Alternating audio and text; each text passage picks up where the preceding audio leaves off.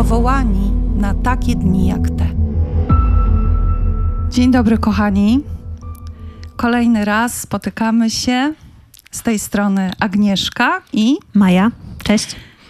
E, I będziemy miały przyjemność dzisiaj e, porozmawiać e, na temat pokoleń, na temat perspektywy pokoleń w Biblii, perspektywy pokoleń w Bożym Planie i perspektywy pokoleń we wstawiennictwie. E, Obie jesteśmy wstawienniczkami, e, modlimy się regularnie, mamy pewną taką stałą listę intencji, które nazywamy strategicznymi, ponieważ e, tak rozeznałyśmy, że są to takie kluczowe, ważne intencje na ten czas, na tą porę. I wśród tych dziesięciu intencji są dwie, które dotyczą pokoleń. Dokładnie tak. Myślę sobie, że akurat w ogóle kwestia modlitwy e, w intencji pokoleń to, to jest taki temat, że on nie dotyczy tylko tych okoliczności i tych czasów, że to jest intencja, która nam towarzyszy zawsze, od zawsze i, e, i jest wartościowa i na pewno strategiczna na wieki wieków. Amen. Dopóki Jezus nie wróci. Modlitwa o, o, o pokolenia. Przeczytam na początek e, pewien werset z Psalmu 22. Dokładnie będą to wersety 31 i 32, który to fragment moim zdaniem właśnie niesamowicie pokazuje tą perspektywę następujących po sobie pokoleń. Potomstwo moje jemu będzie służyć. Opowie o Panu pokoleniu przyszłemu. A sprawiedliwość jego ogłoszą ludowi, który się narodzi. Pan to uczynił. I e, jak się e, tak dokładniej e, zagłębimy w ten fragment, to można tutaj dokładnie zobaczyć, że pokolenia, o których jest mowa, które w jakiś sposób są tutaj wymienione, to są trzy następujące po sobie generacje. Dokładnie tak. No bo jest ujęcie tak, potomstwo moje, pokolenie przyszłe, no i pokolenie, którym jestem ja. Czyli trzy pokolenia. To jest ten fenomen, który daje świadectwo tego, że Bóg jest Bogiem pokoleń, że to jest Boży zamysł. Ja z kolei na, na temat pokoleń zawsze, zawsze od razu kieruję swoje myśli i serce do trzeciego rozdziału listu do Efezjan, gdzie jest, że mowa o tym, że wszelki ród na niebie i na ziemi bierze swój początek w Bogu. I to się nie dzieje inaczej, że pokolenia po sobie następują. Ale myślę, że jest też wyjątkowość w ujęciu właśnie tych trzech pokoleń, tak? Że te trzy pokolenia funkcjonują. Ta trójka też nie jest tutaj przypadkowa. Myślę sobie też, żeby dodać tutaj dygresyjnie w ogóle, bo mm, ten temat w nas rezonuje tak też y, w duchu bardzo mocno. Natomiast y, myślę, że ważne jest to, co, żebyście wiedzieli, że Agnieszka jest mamą, która Zgadza się. odchowała elegancką trójkę dzieci. Właśnie tu nam jej pierwotny syn mignął. I, yy, I ma to doświadczenie rodzicielstwa w taki namacalny sposób i pokoleń, tak? Bo, bo też wy jako rodzina funkcjonujecie wielopokoleniowo. Jest mama, jest twoja babcia ciągle Tak. jeszcze żyje. Tak, Także to jest fenomen, bo wy macie tak naprawdę cztery pokolenia na ten moment razem. tak, dokładnie. Mhm. Mhm. I też y, ro, rodzice twojego męża. Także to, to jest to wasze doświadczenie takie życiowe, no ale ty, odnoszę się do tego, że jesteś mamą w dużej mierze, więc masz namacalne doświadczenie pokolenia, które jest po tobie i pokolenia, które jest przed tobą. Ja natomiast nie posiadam rodziny, nie posiadam potomstwa, a mówię o tym dlatego, że to mnie nie wyklucza z modlitwy o pokolenia. Jak najbardziej. Bo doświadczenie y, wstawiennika nie musi pokrywać się z. Y, inaczej. Powołanie do konkretnych intencji, rozpoznawanie tych intencji i, wez, i zaproszenia Bożego do tych intencji nie musi pokrywać się z tym, że ja jakąś konkretną rolę w życiu w tym zakresie pełnię. Czyli, żeby modlić się o pokolenia, ja nie muszę zostać fizycznie mamą. Oczywiście jest to inna perspektywa, Tak. w inny Mhm. sposób jako, jako mama się modlisz o pokolenia, ale mówię to myślę w dużej mierze też do osób, które są bezżenne, że to nie jest tak, że, że taka, e, że okoliczność bycia osobą bezżenną, nie, e, tudzież bycia w małżeństwie, nieposiadania dzieci, nie wyklucza cię z modlitwy o pokolenia, które idą za tobą, nie wyklucza cię z modlitwy o pokolenia, które, e, które żyją razem z tobą.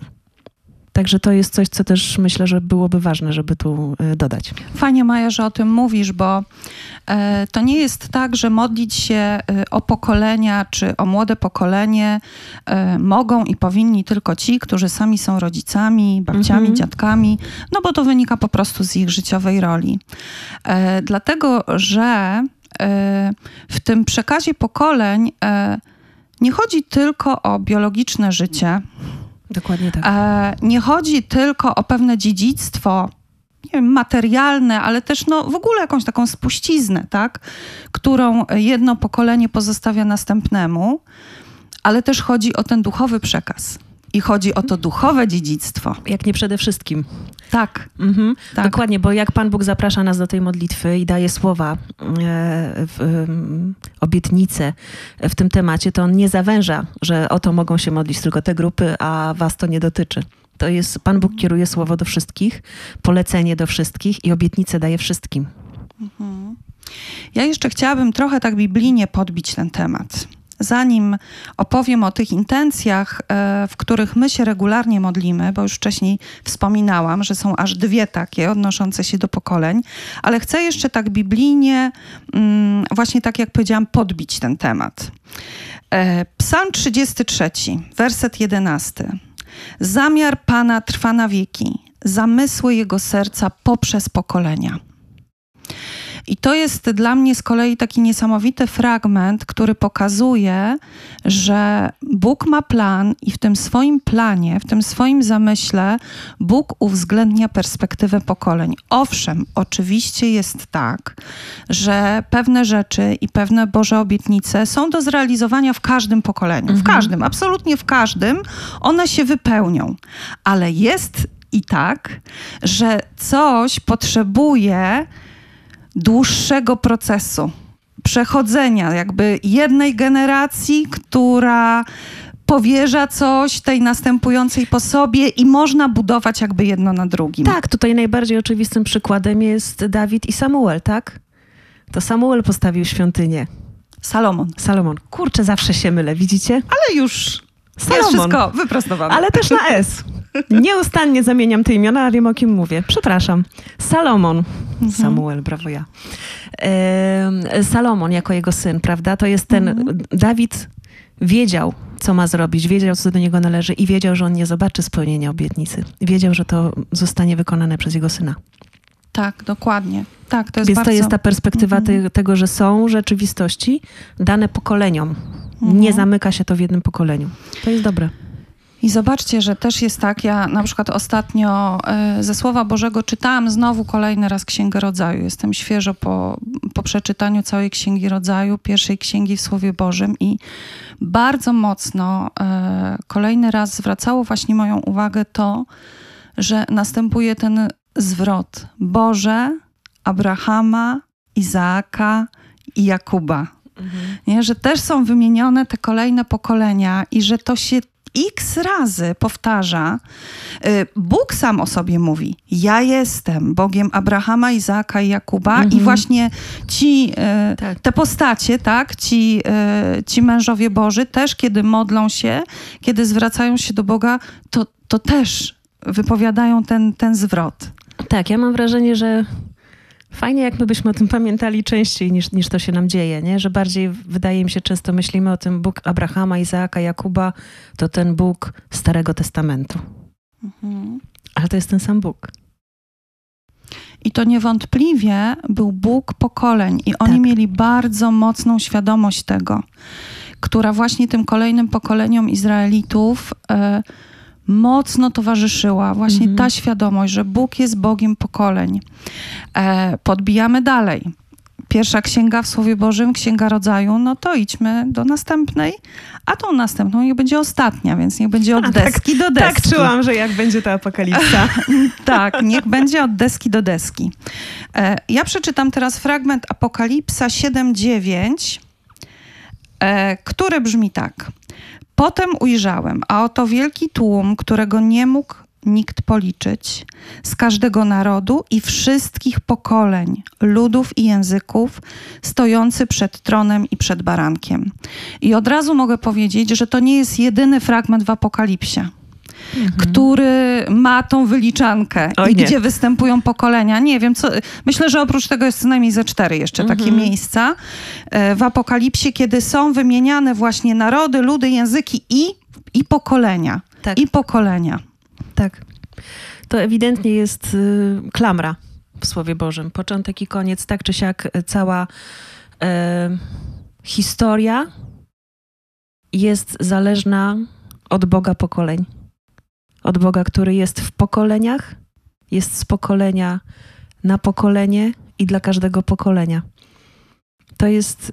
Kurczę, takie mam teraz myśli, że to jest coś, co wydaje mi się trochę straciliśmy w naszej codzienności, że żyjemy w świecie, który bardzo nie chce, żebyśmy pamiętali o pokoleniach. Mhm.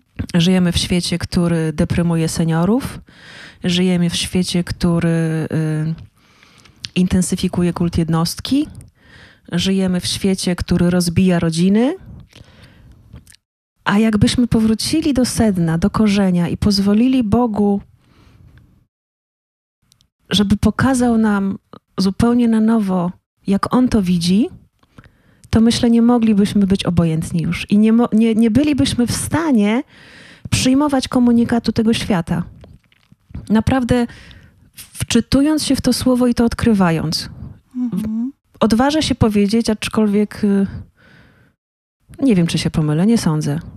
Najprawdopodobniej nie ma księgi w Biblii, w której nie byłoby o pokoleniach zaryzykuję. Aczkolwiek nie jest to badanie, ale zaryzykuję to. Możemy to sprawdzić w najbliższym tak, czasie.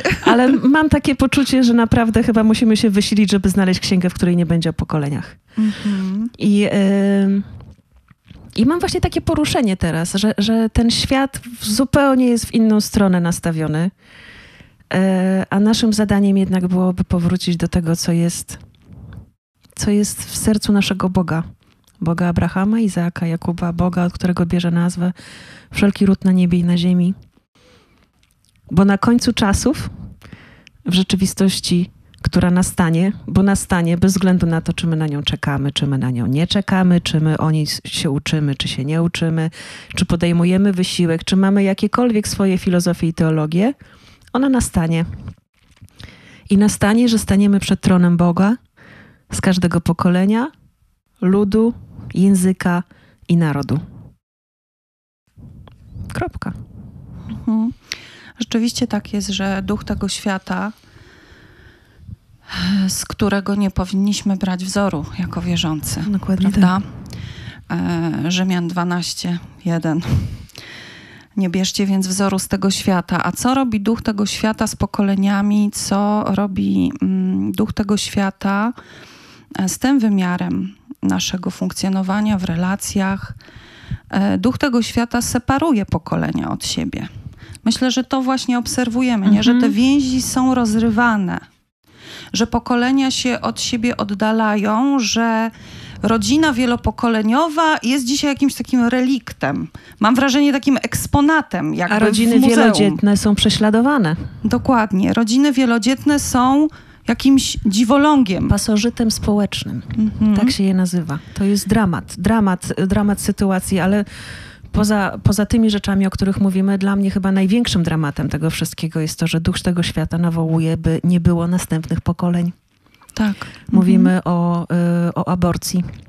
Mówimy o tym, że człowiek chce sobie uzurpować prawo do tego, że będzie decydował, kto ma żyć, że będzie decydował, kiedy człowiek jest człowiekiem, że będzie decydował, kto ma prawo istnieć, i jeżeli nie spełnia moich oczekiwań, moich wyobrażeń, to to nie jest zabójstwo, tylko to jest, nie wiem, dbanie o własne zdrowie, o status społeczny.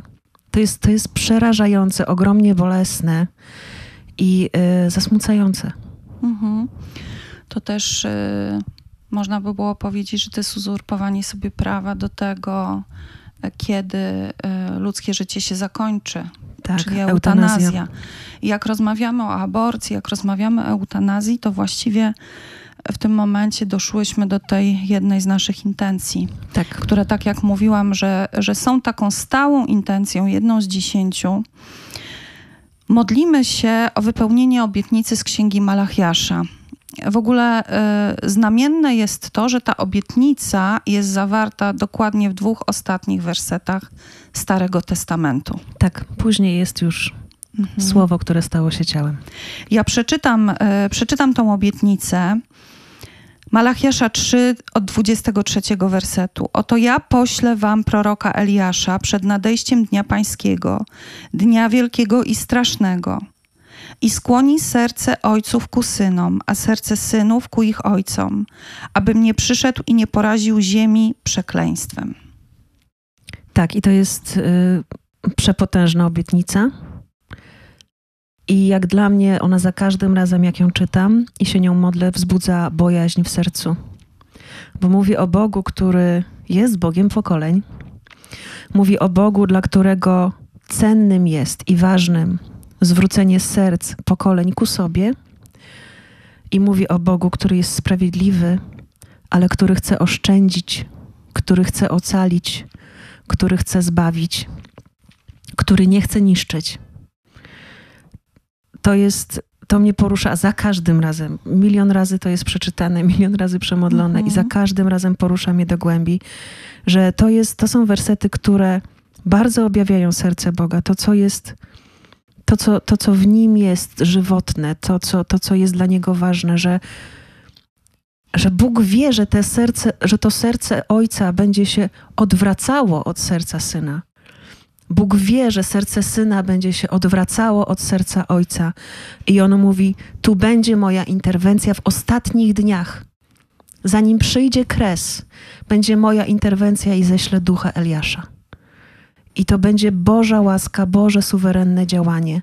Też patrzę na to jako, jako tą rzeczywistość, że to jest tak kluczowy element Bożej strategii, że Bóg wie, że my sami z siebie nie jesteśmy do tego zdolni i teraz jak ty nawet jako mama, zobacz, doświadczasz, jak, jak ty w ogóle myślisz o tym, że serce rodzica może odwrócić się od serca dziecka? Niepojęte. Nie? Ale z drugiej strony znam historię ludzi i znam przykłady, e, kiedy e, ludzie mieli takie doświadczenia, nie? bardzo potężnych zranień, e, bardzo potężnych rozłamów, rozpadów tak. w rodzinie, wielkich problemów, gdzie naprawdę no, doświadczali po prostu złamania serca i, i takiego opuszczenia. Tak. Przez tak własnych samo w drugą rodziców stronę, prawda? i w drugą stronę też. I, I te mhm. rzeczy się dzieją i wiemy, że się dzieją. I teraz zdajmy sobie sprawę, że o tym jest w Starym Testamencie, w bardzo starej księdze. I Bóg już mówi, że On ma na to lekarstwo że on ma na to ratunek. I w dnia, myślę, że też ważne jest to, że to jest w dniach ostatnich, tak? Oto ja poślę wam proroka Eliasza przed nadejściem Dnia Pańskiego, to te dni ostatnie, że trochę tutaj poszerzę nasz wątek, ale aż, aż się prosi, tak, że dni ostatnie, że po prostu dobrze wiemy, że będą jakieś kwestie ucisku, teraz bardzo ogólnie to nazwę, e, rzeczy, które nas e, bardzo często napawają jakąś obawą, tak? Co to będzie, ta apokalipsa, ten Armagedon i to wszystko. To są te, te dni. I Bóg mówi, i ja wtedy poślę wam ducha Eliasza. I wtedy te pokolenia zwrócą się ku sobie. Bo nie chcę porazić ziemi klątwą.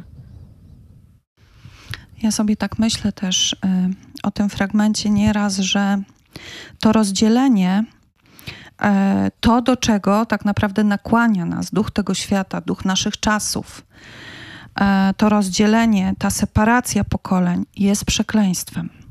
Tak. tak naprawdę jest dla nas przekleństwem i my ponosimy konsekwencje tego oddzielenia, konsekwencje tej, tego zerwania właśnie tych więzi, rozpadu rodziny. I Bóg mówi: Dam wam ducha, ducha Eliasza, tak naprawdę po to, żeby zakończyć to przekleństwo. Tak.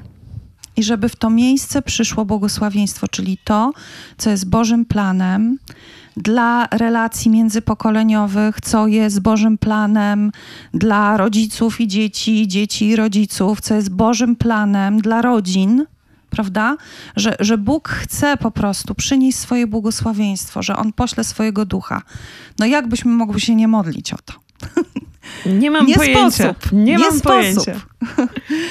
Ja też y, tutaj do, dołożyłabym taką perspektywę tej modlitwy, mm,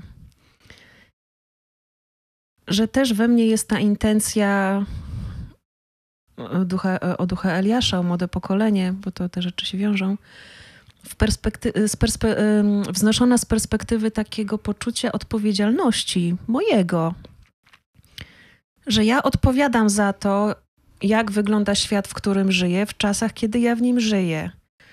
I odpowiadam za to, jak to będzie wyglądało dalej, co ja zostawię po sobie. Ja wiem, że to troszkę brzmi już tak, spisz testament, tak, i tak dalej, ale nie chodzi mi o to, że kształtujemy świat i przygotowujemy na następne pokolenia.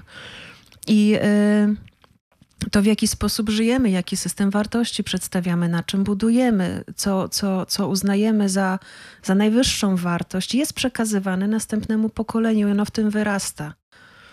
I y, to jest ten kontekst y, sztafety.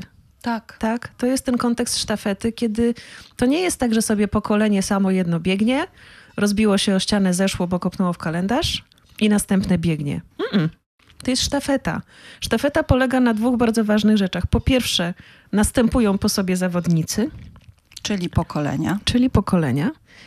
Yy, I teraz uwaga, co ważne, tam jest cała procedura techniczna, w jaki sposób następuje przekazanie pałeczki. Mhm. Ale to też nie polega na tym, że jeden zawodnik biegnie, rzuca tą pałeczkę i, drugi tamci- gdzieś ją tam dalej złapie i pobiegnie Może dalej. złapie, może nie złapie. Nie, jest etap i jeżeli ktoś do tej pory nie oglądał biegów szta- sztafetowych, zachęcam. Jest etap, kiedy muszą biec, ra- biec razem, kiedy muszą złapać wspólny rytm, żeby sobie tą Tak. pałeczkę przekazać. I te rzeczy, tak wiem, mówimy o sporcie, ale to jest samo życie. To inaczej nie działa. Czyli jest pokolenie, które wzrasta. Było pierwsze pokolenie na początku świata, Adam i Ewa i pokolenia, które z nich się zaczęły. I pokolenia inaczej nie funkcjonują.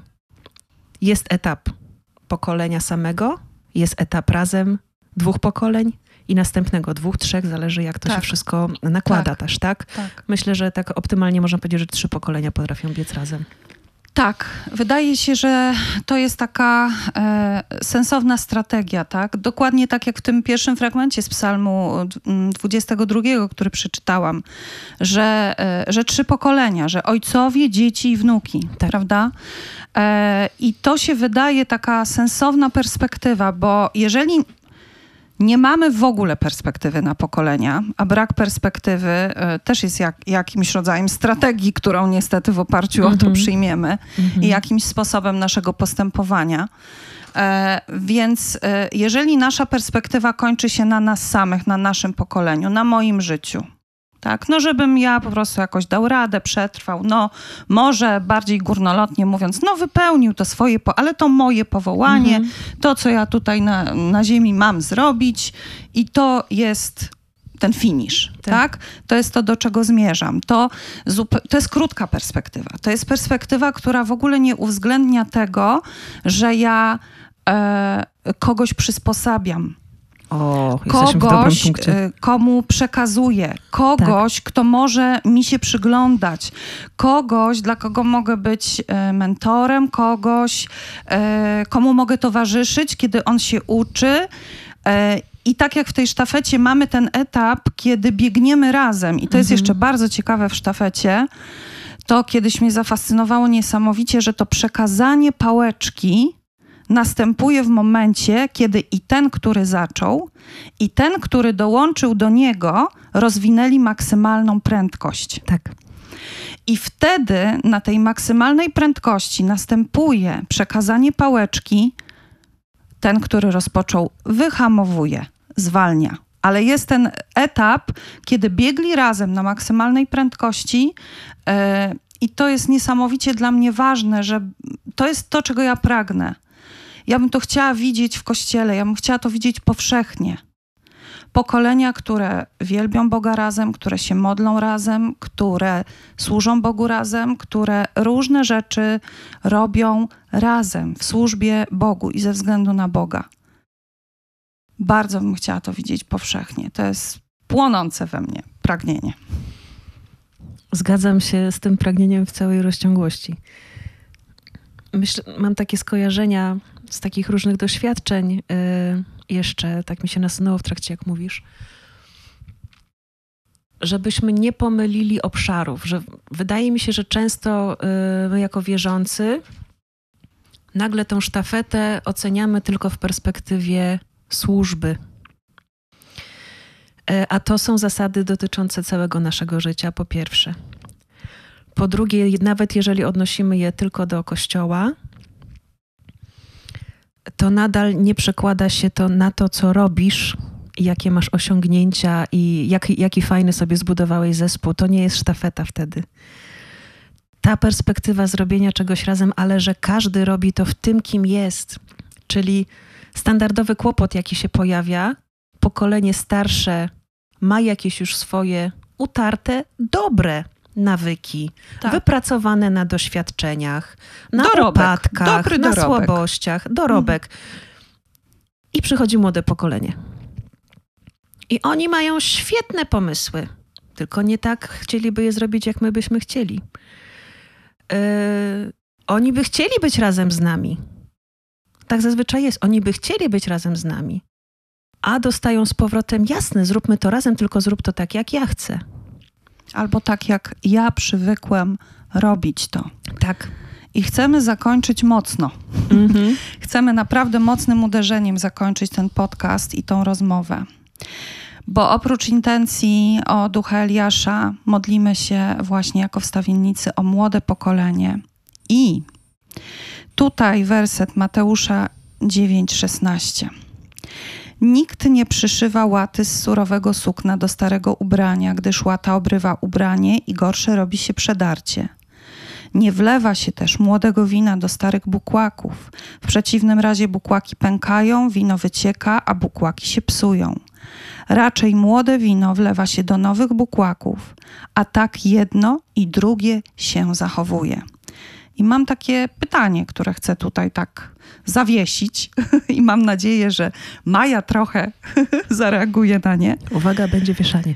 Czy my w ogóle, mam na myśli już, no powiedzmy, to starsze, dojrzałe pokolenie, czy my w ogóle mamy w sobie taką zgodę, taką gotowość na to, że pokolenia, które idą po nas, będą robić rzeczy inaczej? Osobiście mogę powiedzieć, że ja mam, tak, bardzo, tak. Ale jak już mam rozszerzyć swoją perspektywę, y, myślę, że to jest bardzo trudne i myślę, że to jest y, bardzo duża słabość Kościoła. I jest to bolesne, ponieważ rodzi ogromne, ogromne zranienia. Y, krzywdzi młode pokolenie, podcina im skrzydła. Oni potrzebują mentorów, oni potrzebują przyjaciół, ludzi, którzy będą dla nich inspiracją, a nie dyktatorami. Ludzi, którzy posłużą im radą wtedy, kiedy oni jej potrzebują, ale oni też potrzebują popełnić błędy. Tak. I potrzebują, by z nimi być w tych błędach. Dokładnie tak. Mhm. I to jest mega trudne dla każdego z nas, nawet w takim życiu osobistym, jak nie wiem, mamy dzieci, rodzeństwo mamy młodsze, po prostu wiemy, że nas to krew zalewa nie zmienia faktu, że tak, tak to wygląda. Żeby ktoś mógł rozwinąć swój potencjał, musi też przejść tą swoją drogę. A mentor to nie jest osoba, która e, dzierży kontrolę nad cudzym, nad cudzym życiem. To jest ktoś, kto towarzyszy. To jest ktoś, kto, kto jest, do którego można przyjść, ale to, to się dzieje tylko na bazie zaufania. To się dzieje tylko z przykładu życia, tak naprawdę bo szukasz porady albo inspiracją dla ciebie stają się osoby, y, które obserwujesz, jak żyją. Bo można mówić bardzo dużo, bardzo różnych fantastycznych rzeczy, ale przez obserwację Twojej codzienności wychodzi rzeczywistość. Jeżeli Twoje czyny nie mają pokrycia w tym, co mówisz, to nie ma wartości. I wtedy dochodzimy do tego, co jest w tym wersecie, tak? Jedno i drugie się rozerwie, jedno i drugie będzie zranione, jedno i drugie doświadczy potężnego bólu. Ale jest sposób na to, Jest. żeby zachowało się i jedno, i drugie. Tak. I żeby Na został szczęście. osiągnięty ten, e, ten Boży zamysł dla Mhm. pokoleń. E, więc tak, tak w naszej perspektywie wstawienników e, wygląda ta kwestia. Mhm. Tak? Dlaczego, dlaczego mamy tą perspektywę pokoleń? Bo to jest Boża perspektywa. Tak. E, Dlaczego modlimy się o wylanie ducha Eliasza? Bo jest to cudowna obietnica jakby odwrócenia biegu spraw, które jeśli idą według ducha tego świata, ściągają na pokolenia, na rodzinę, na całe społeczeństwa, tak? Przekleństwo. Tak. Natomiast jeżeli wkroczy Bóg ze swoją interwencją, ze swoim duchem, duchem Eliasza, który połączy, zwróci te oddalone, odseparowane od siebie, jakby wręcz walczące ze sobą pokolenia, e, kiedy po prostu Boży Duch to uzdrowi, to popłynie z tego błogosławieństwo. Dlatego się o to modlimy i dlatego mamy cały czas w sercu młode pokolenie, bo niesłychanie jest ważne i też wypływa to z Bożego serca, żeby uczynić miejsce na nich, którzy są tym młodym winem. I dać im to wyposażenie, jakie możemy dać z siebie. Po prostu służyć im na tyle, na ile potrafimy, a Pan Bóg wykona resztę. Tak czy siak nasze zadanie jest bardzo krótkie, bo to miejsce na bieg razem i przekazanie pałeczki w sztafecie to jest, to są sekundy, to jest chwila. Jeżeli to, czym się z Wami podzieliłyśmy, porusza Wasze serca, to bardzo, bardzo zapraszamy. Dołączcie w modlitwie. Dołączcie, weźcie te intencje jako swoje i wołajcie do Boga zgodnie z Jego słowem, zgodnie z Jego obietnicami dla pokoleń. Zapraszamy też, piszcie do nas. e, Mamy fanpage na Facebooku Powołani na takie dni jak te. Tam też możecie znaleźć różne inspiracje do modlitwy. I jeżeli cokolwiek Was poruszyło w tym, o czym mówiliśmy, to zachęcamy do kontaktu. Dziękujemy. Dziękujemy. Dziękuję, Maja. Powołani na takie dni jak te.